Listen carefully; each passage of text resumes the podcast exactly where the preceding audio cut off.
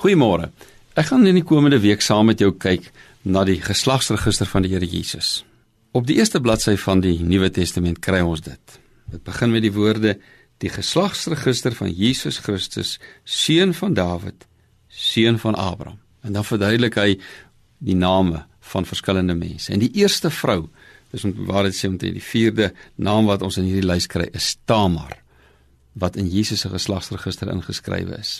Om haar storie te verstaan, moet jy terugblaai na die eerste bladsy van die Bybel, Genesis 38. Haar skoonpa was Juda en haar haar Tamar se man is skielik oorlede en sy het nie kinders nie en sy het haar langs die pad voorgedoen as 'n prostituut. Ek lees net vir jou hoe dit hier staan. Jesus het haar dus nou Tamar gesien en gedink sy is 'n prostituut.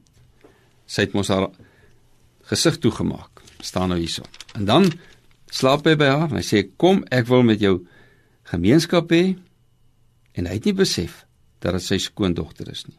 En dan later aan hoor hulle die boodskap 3 maande later jou skoondogter Tamar het haar soos 'n prostituut gedra. En dan sê Juda bring haar dat ons haar kan verbrand. En dan besef hy deur 'n omvang van omstandighede hy is eintlik die skuldige een. Nou, dis 'n verskriklike storie van bloedskande, van prostitusie, van swangerskap en boonop nog al 'n tweeling wat gebore sou word. Mense sou sê maar, hoekom het die Here Jesus in sy voorgeslag nou so situasie geskep? Daar's tog baie makliker ander maniere, ander persone. Daar's mos miljoene mense wat gelewe het. Daar is 'n baie spesifieke rede waarom Tamar hier staan. Want wat in Jesus se voorgeslag staan, staan ook in sy nageslag. Hiermee wil die Here vir ons sê niemand hoef te dink hy sy kan nie deel wees van Jesus se volgelinge nie, sy nageslag.